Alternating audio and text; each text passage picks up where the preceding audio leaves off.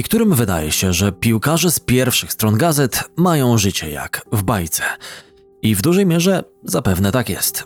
Pieniądze, sława, piękne kobiety, kontrakty sponsorskie i mecze o najwyższą stawkę. Zapominają jednak o tym, że wszystkie te niewątpliwie atrakcyjne aspekty piłkarskiej kariery łączą się z nieustanną presją. Presją dla nas niewyobrażalną. Jest to piękny, ale i momentami bezlitosny świat, w którym nie ma miejsca dla słabeuszy. Zawodnicy muszą być jak bezuczuciowe maszyny, które bezbłędnie wykonują powierzone zadania. Wiedzą, że tuż za rogiem czai się wielu konkurentów, śniących tylko o tym, by zająć ich miejsce. Jeden słabszy mecz może przekreślić wieloletnie starania i marzenia. Kontuzja zniszczyć całe poświęcenie. Pod fasadą przyklejonego uśmiechu kryje się jednak prawdziwy człowiek z krwi i kości, którego nie zawsze omijają problemy życia codziennego. I niezależnie od statusu społecznego i sławy, musi się z nimi zmierzyć. Będąc ciągle na świeczniku, podlegając codziennym ocenom, często trudniej mu pogodzić się z faktem, że potrzebuje pomocy. Podobnie było z bohaterem dzisiejszego odcinka Historii z boiska. Pozornie miał wszystko. Kochającą żonę, zainteresowanie Manchester United, a później transfer do FC Barcelony. Perspektywa gry na mundialu była w zasięgu jego ręki. Wielokrotnie stawał oko w oko ze świetnymi napastnikami i wychodził z tych prób zwycięsko. Życie pokazało jednak, że największy przeciwnik czyhał zupełnie z innej strony. Rywal, wobec którego bramkarz okazał się zupełnie bezsilny. Jego imię to depresja. Poznajcie historię Roberta Enke. Dzień dobry moi drodzy, nazywam się Konrad Szymański, a to jest podcast Historie z boiska. Zachęcam Was do zaobserwowania mnie na Spotify oraz na YouTubie, a także do zostawienia tam zasięgowej łapki w górę. Bardzo dziękuję za wsparcie. Historie z boiska. Ciekawsza strona futbolu.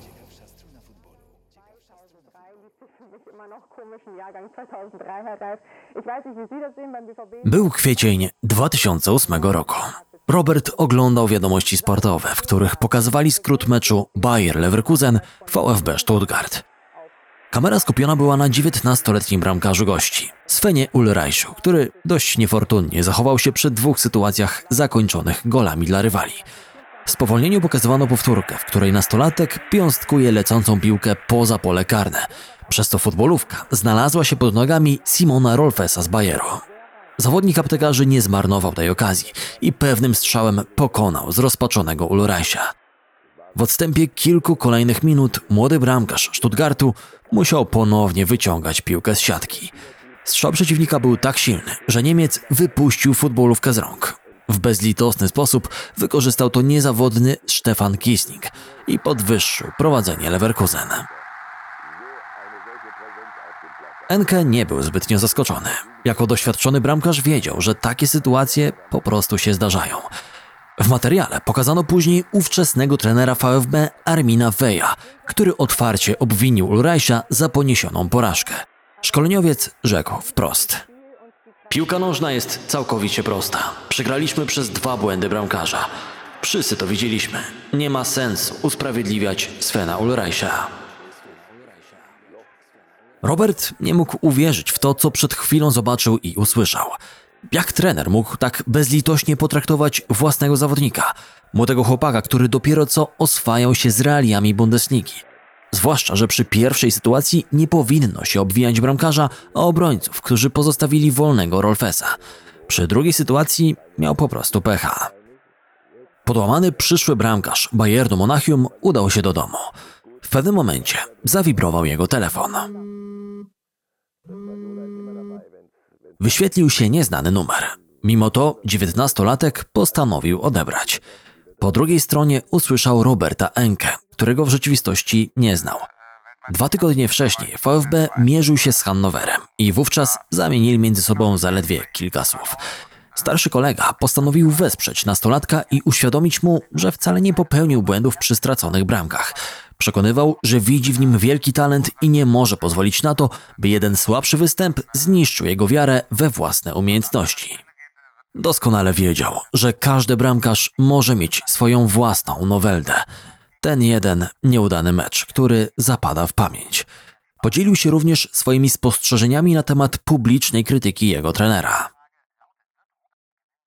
Telefon bramkarza reprezentacji Niemiec do nieopierzonego zawodnika ze słowami wsparcia idealnie obrazuje, jak wielką empatią i wrażliwością cechował się nasz dzisiejszy bohater. Doskonale wiedział, co czuje ów młodzian. Sam był w swojej karierze wystawiany na podobne próby. Uważał, że nigdy nie powinno się publicznie krytykować zawodników zespołu, nawet jeśli ich wina przy straconych bramkach była ewidentna. Wiedział również, że jedno spotkanie może zaważyć na całej karierze. To samo przeżył w FC Barcelonie.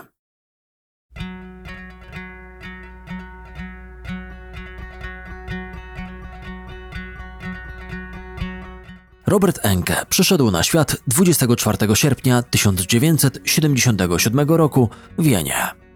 Bardzo szybko został dostrzeżony przez najsilniejszy w regionie FC Karl Zeiss. Klub z był przyzwyczajony do zwycięstw w lokalnych rozgrywkach, również na poziomach juniorskich. Tym większe było zdziwienie, gdy ich drużyna siedmiolatków uległa miejscowemu SV Unifarm 1 do 3.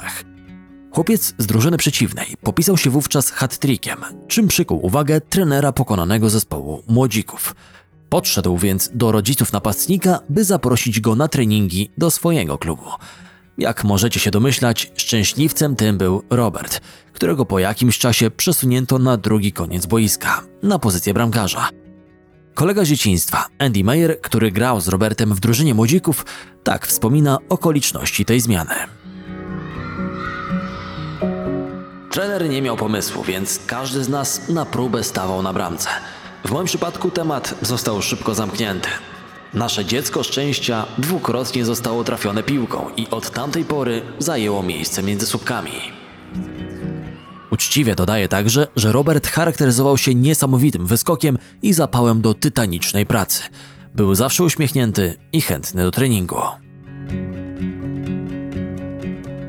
Dorastający młody człowiek mocno przeżył rozstanie rodziców. Ojciec, który pracował jako psychoterapeuta, starał się uczestniczyć w życiu potomka i przychodził na wszystkie mecze z jego udziałem. Rozmowy o futbolu i analiza spotkań miały stanowić nić porozumienia i odbudować nadszarpnięte relacje. W domu Roberta nie mówiło się otwarcie o uczuciach. Jak określiła to matka piłkarza, w naszym domu zawsze panowała zasada uprzejmego nieokazywania uczuć. W tej sytuacji Robert bardzo szybko przekonał się, że ze smutkami musi poradzić sobie samotnie. Postanowił uciec w sport i trenować jeszcze ciężej. W 1993 roku wraz z przyjaciółmi Torstenem Cignerem i Mario Kanopą otrzymał powołanie do reprezentacji Turyngii, by wziąć udział w młodzieżowym Pucharze Landów juniorów młodszych. Była to doskonała okazja do zaprezentowania swoich umiejętności. Co roku rozgrywki te obserwowało wielu skautów z całych Niemiec. Robert zaprezentował się rewelacyjnie, nie wpuszczając choćby jednego gola. Koledzy z zespołu byli pod ogromnym wrażeniem jego postawy. To nie był koniec sukcesów młodego bramkarza. Jeszcze w tym samym roku wraz z młodzieżowym zespołem FC Karl Zeiss Jena dotarł do finału Mistrzostw Niemiec.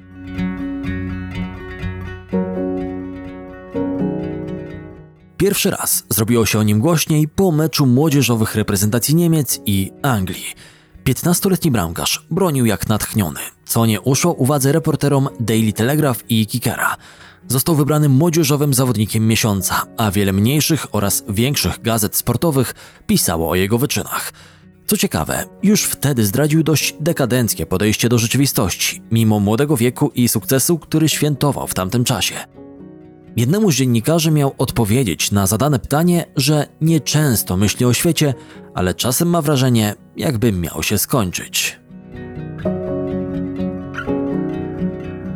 Trenerzy szybko dostrzegli, że młody bramkarz marnuje się rywalizując z rówieśnikami. Dlatego też w wieku 16 lat został przeniesiony do juniorów starszych, gdzie czekali na niego koledzy starsi o dwa lata. Obserwując, jakie postępy czynił Robert, sztab szkoleniowy nie miał żadnych wątpliwości, że podjęto właściwą decyzję.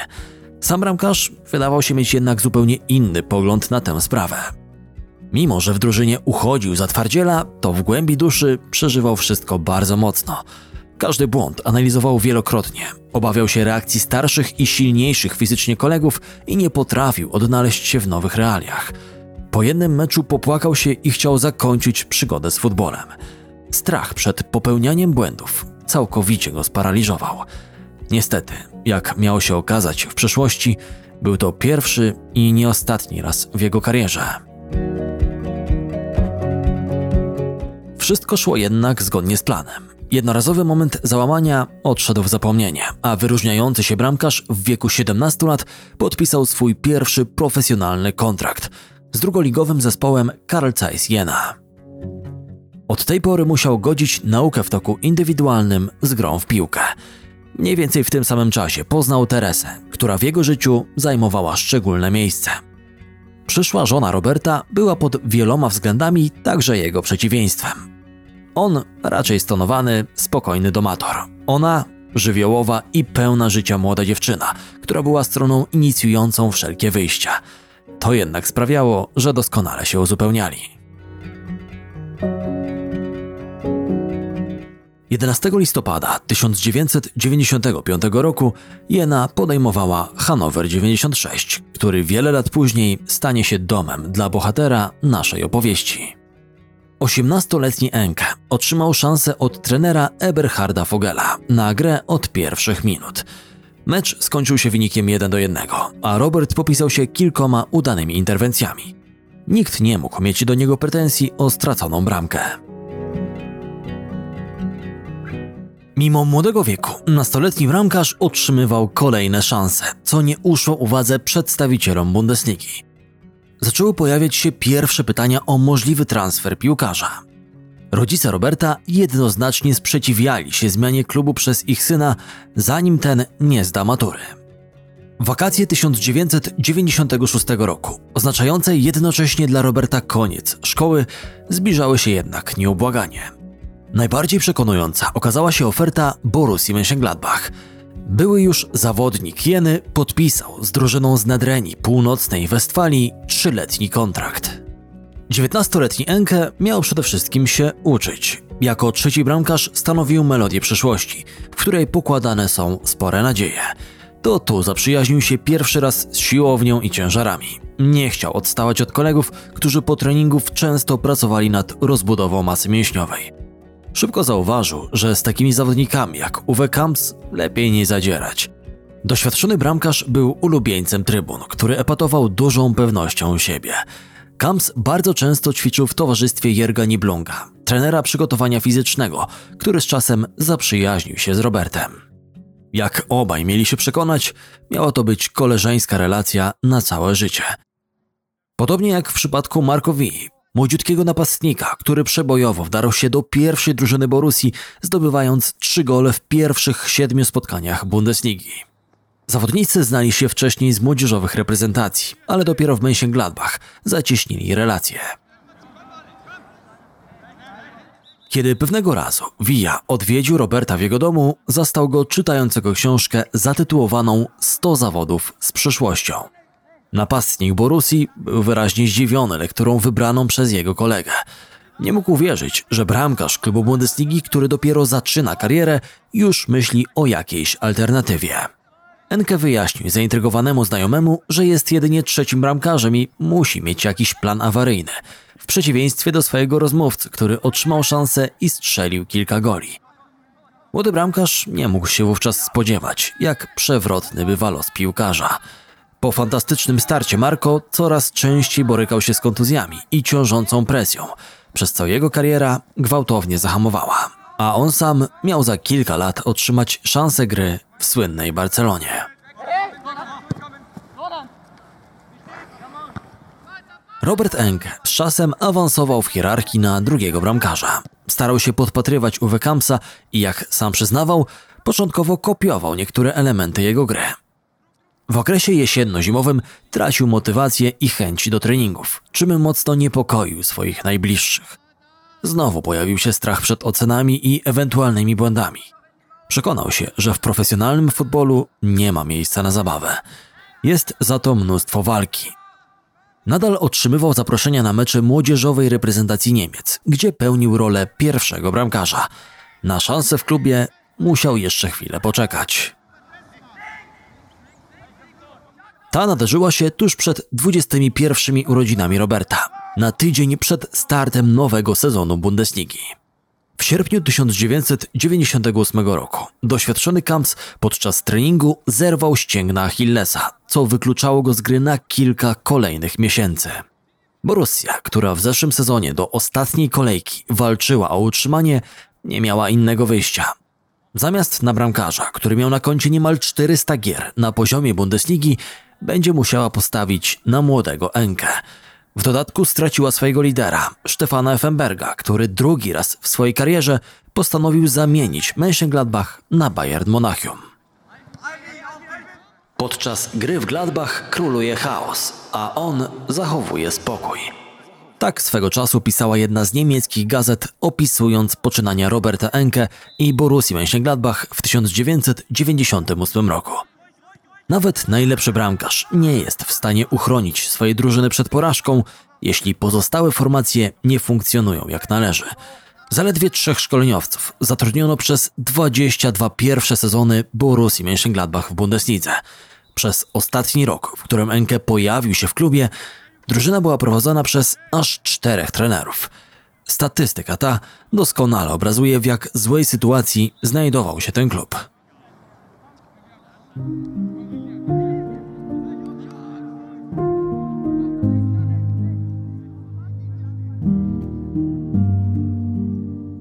Przed młodym bramkarzem pojawiło się wiele niewiadomych. Naturalnie cieszył się z możliwości gry w pierwszym składzie na poziomie Bundesligi. Wiedział jednak, że atmosfera i sytuacja w klubie są dalekie od wymarzonych. Nie był również pewny, czy zbliżający się powrót Kampsa nie będzie oznaczał dla niego powrotu na ławkę rezerwowych.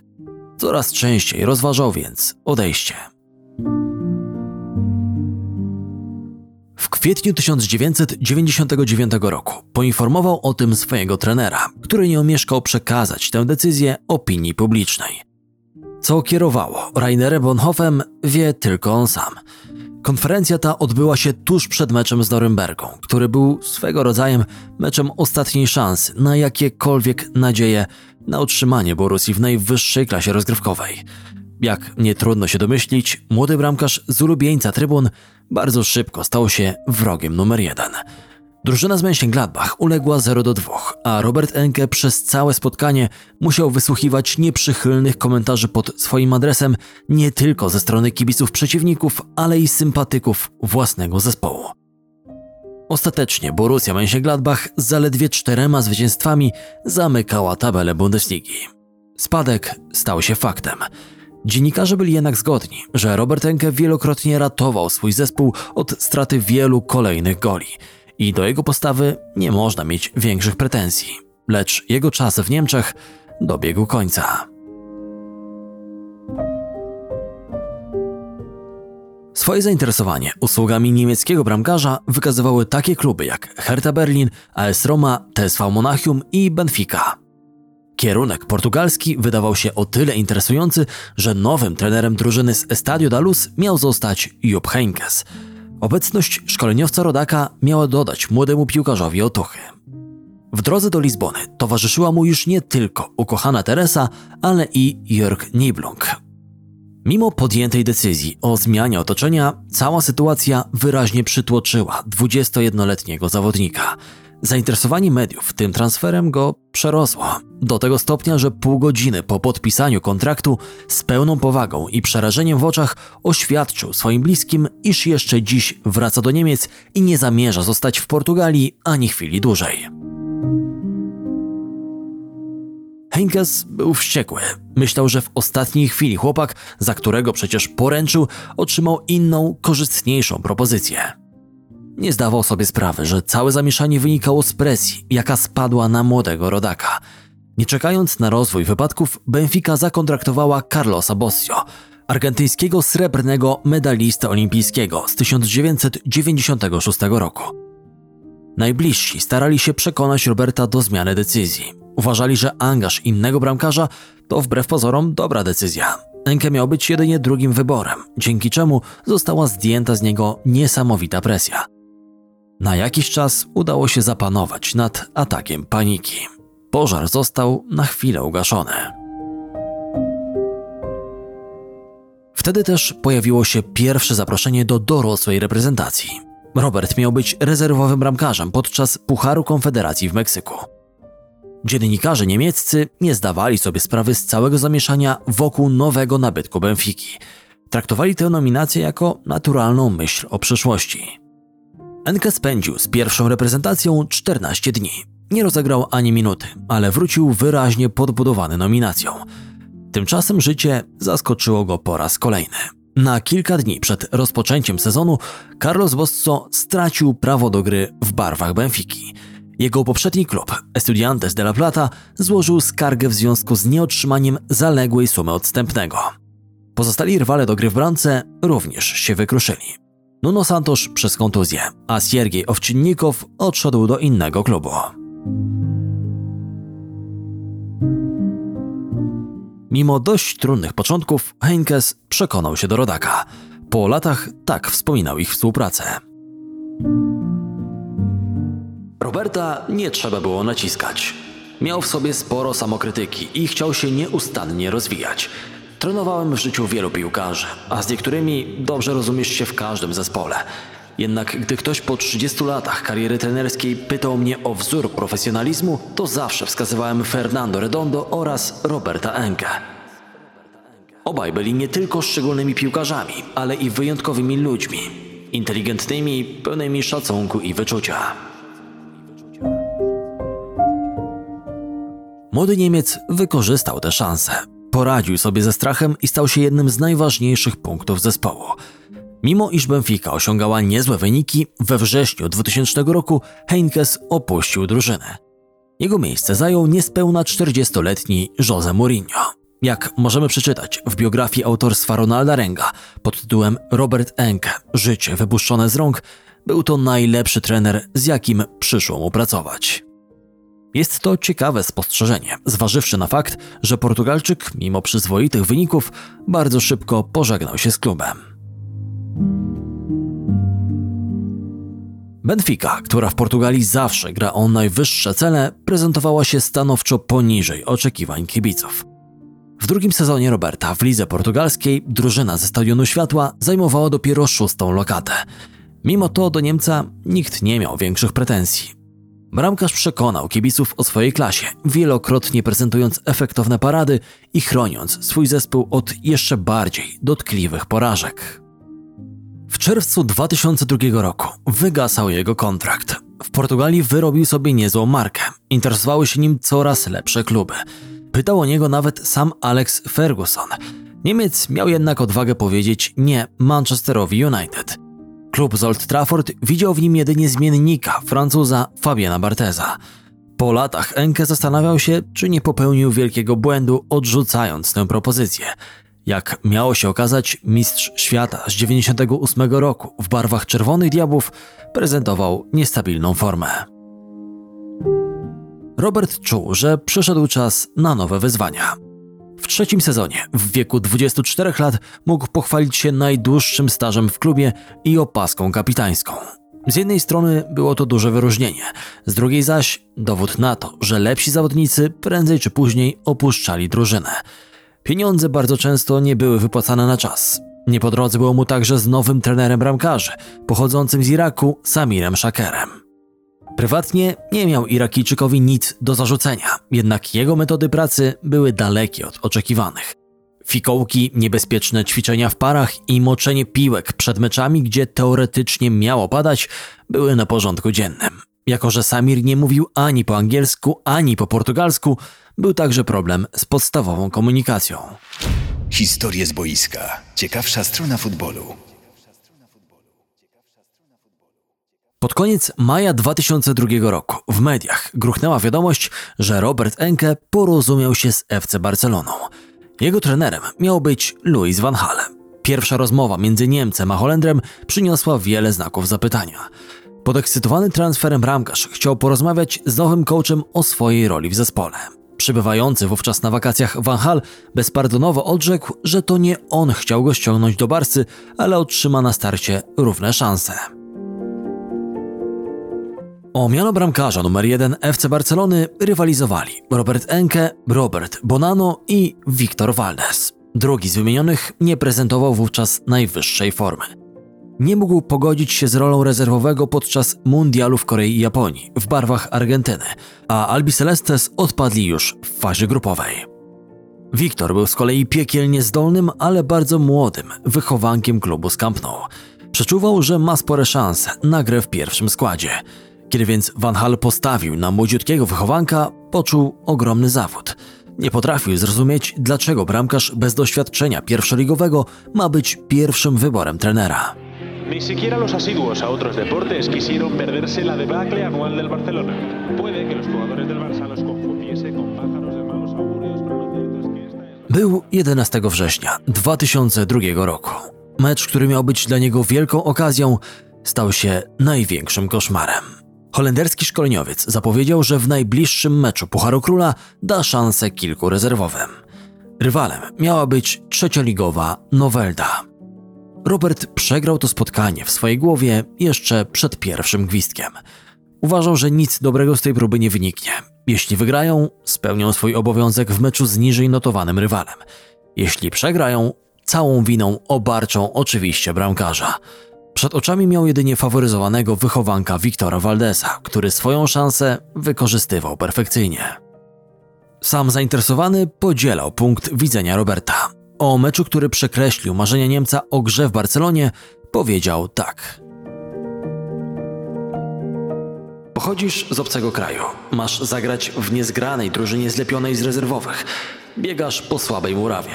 Masz same wątpliwości, a twoje przeczucia są jak najgorsze. Trzecioligowiec spełnił swoje marzenie i pokonał u siebie słynną Barcelonę 3 do 2. W niebie był tego dnia Toni Madrigal, autor trzech trafień. Wyznaczony do udziału w pomeczowej konferencji kapitan Frank de Boer nie zostawił na kolegach z drużyny suchej nitki. Bez zahamowań komentował ich poczynania, obwiniając za stracone bramki. Oberwało się także Robertowi, który zdaniem Holendra powinien zareagować lepiej przy jednej sytuacji, po których rywale strzelili gola.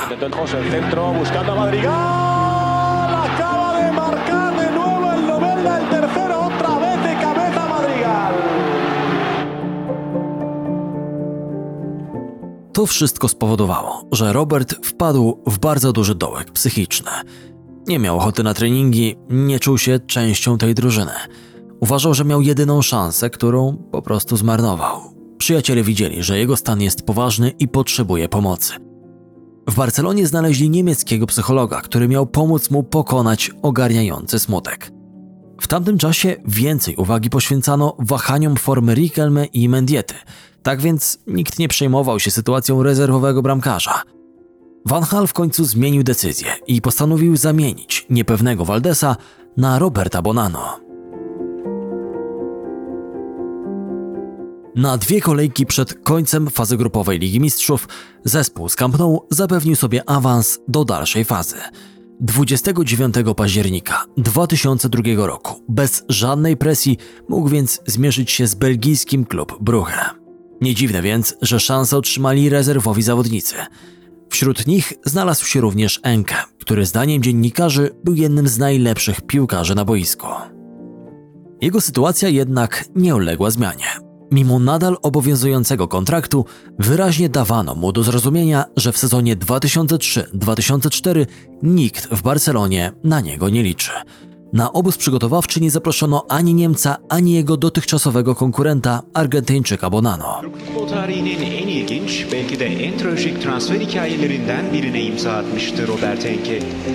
Rüştü Reçber'i Barcelona'ya kaptıran Fenerbahçe yönetimi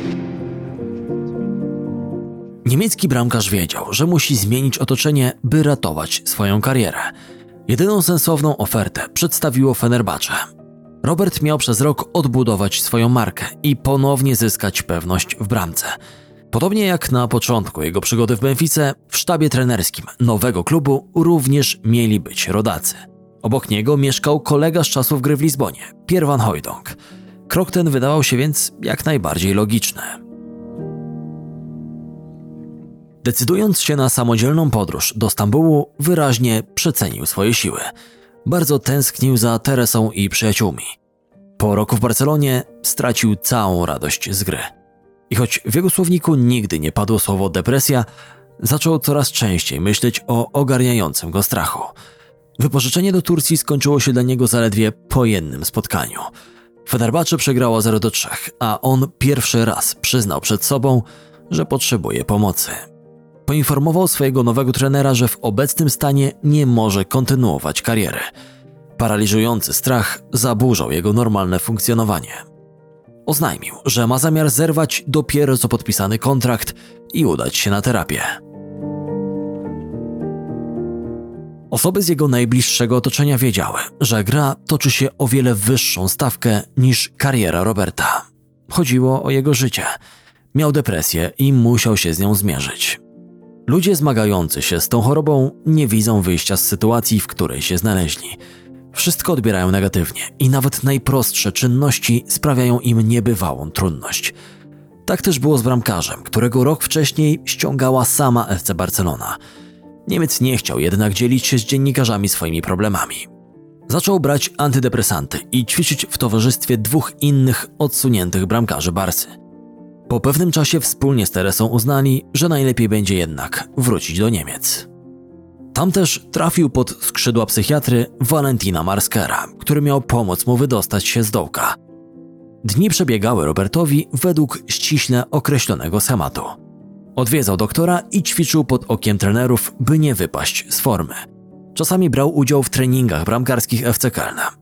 Wszystko powoli miało zacząć się układać.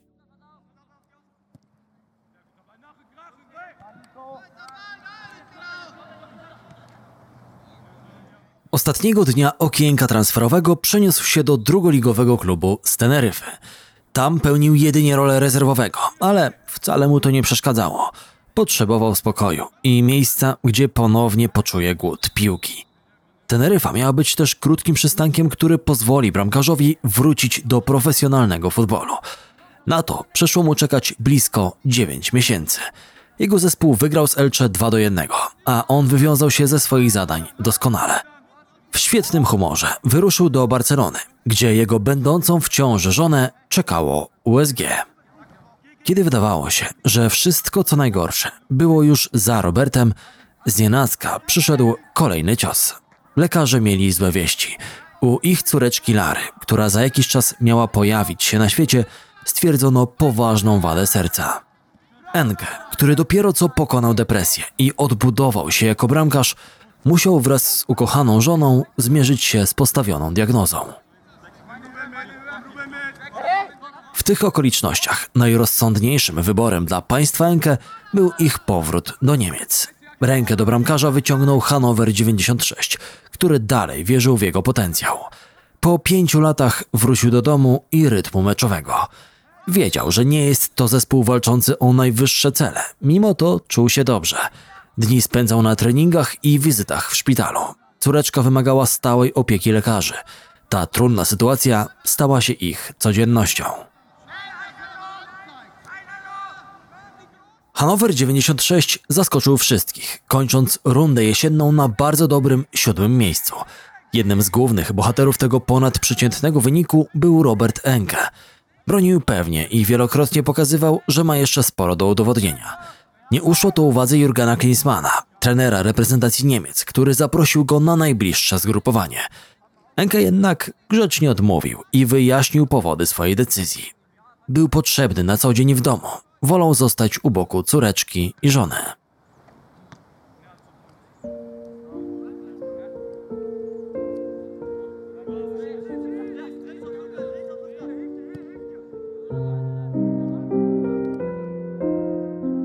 Latem 2006 roku rozpoczęły się piłkarskie Mistrzostwa Świata w Niemczech.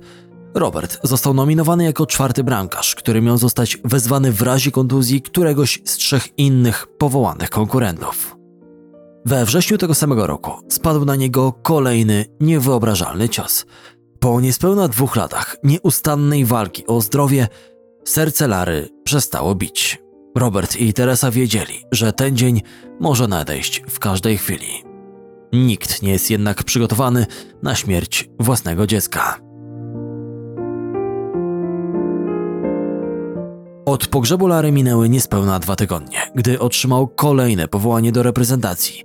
Tym razem jednak postanowił je przyjąć i przyjechał na zgrupowanie. Był niezwykle rozdarty. Próbował jednak być twardy. Na konferencji prasowej dziękował za płynące wyrazy wsparcia, a na zadane pytanie starał się odpowiadać rzeczowo. Na debiut w reprezentacji musiał czekać do marca 2007 roku. Tuż przed 30 w meczu przeciwko Danii zagrał w pierwszej drużynie Niemiec. Mimo, że podopieczni Joachima Lewa przegrali 0 do 1, do Enke nie można było mieć żadnych pretensji. Solidna postawa w meczach ligowych zaowocowała powołaniem na Mistrzostwa Europy. Robert nie musiał się martwić presją, ponieważ pierwszym wyborem trenera pozostawał Jens Lehmann. Do domu wrócił ze srebrnym medalem na szyi. Dziennikarze mieli jednak o czym pisać. Zakończenie kariery reprezentacyjnej przez Lemana zbliżało się wielkimi krokami, przez co rywalizacja o pozycję bramkarza numer jeden niemieckiej reprezentacji miała rozpocząć się na nowo. Media zastanawiały się, który z dwójki, René Adler i Robert Enke, ma większe szanse.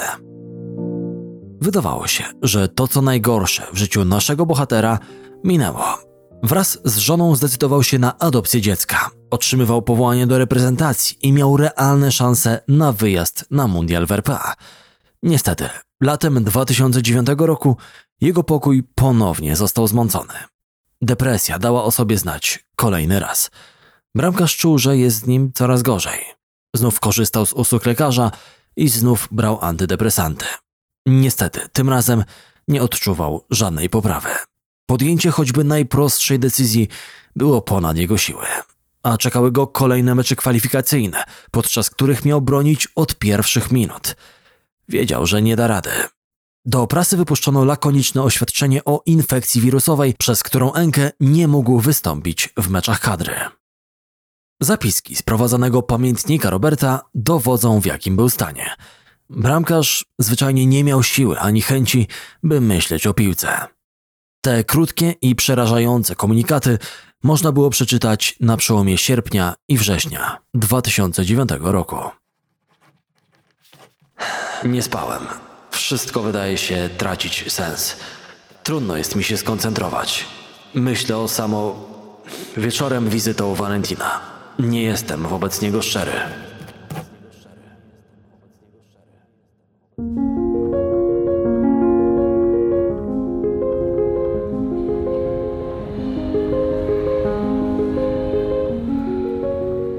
9 listopada 2009 roku wraz z żoną i adoptowaną córeczką Leilą Robert Enke wybrał się na wystawę do muzeum. Następnie zajrzeli do ich ulubionej kawiarni w Hannowerze. Na zdjęciu, które zrobiła mu Teresa, można nawet dostrzec uśmiech. Dzień wcześniej Robert wystąpił w domowym spotkaniu przeciwko Hamburgowi, zremisowanym 2 do 2.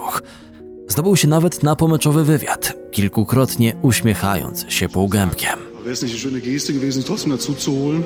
Ja, aber es war so abgesprochen, insofern ist es okay so. Also Sie hätten sich nicht gefreut, mit hinzufahren? Ich, es ist okay so, also ist alles gesagt. Wszystko wydawało się być w porządku. Tuż przed snem, jak zwykle, zadzwonił do doktora Valentina Marskera. Dzień później powiedział żonie, że jedzie na trening. Zamiast tego przez 8 godzin krążył po okolicy. Kiedy Teresa zorientowała się, iż tego dnia nie zaplanowano żadnych zajęć, pełna przerażenia próbowała dodzwonić się do Roberta. Bezskutecznie. Komórka była wyłączona.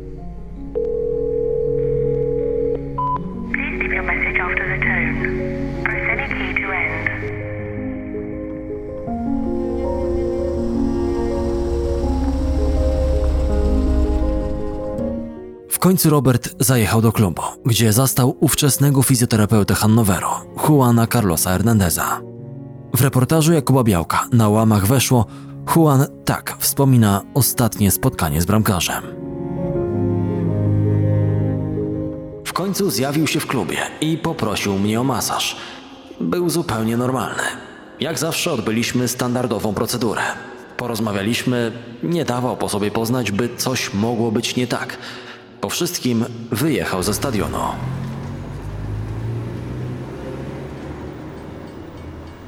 Kilka minut po godzinie 18 Robert Enke rozpoczął swoją ostatnią podróż. Popełnił samobójstwo, skacząc pod przejeżdżający pociąg. The city of Hanover is in mourning. On Tuesday night, hundreds of football fans began gathering to Liebe remember Zuschauer. Fußball Deutschland, das haben Sie gerade schon mitbekommen, ist geschockt. Denn es hat threw himself under a train at a level crossing near Hanover. The news has left Germans reeling.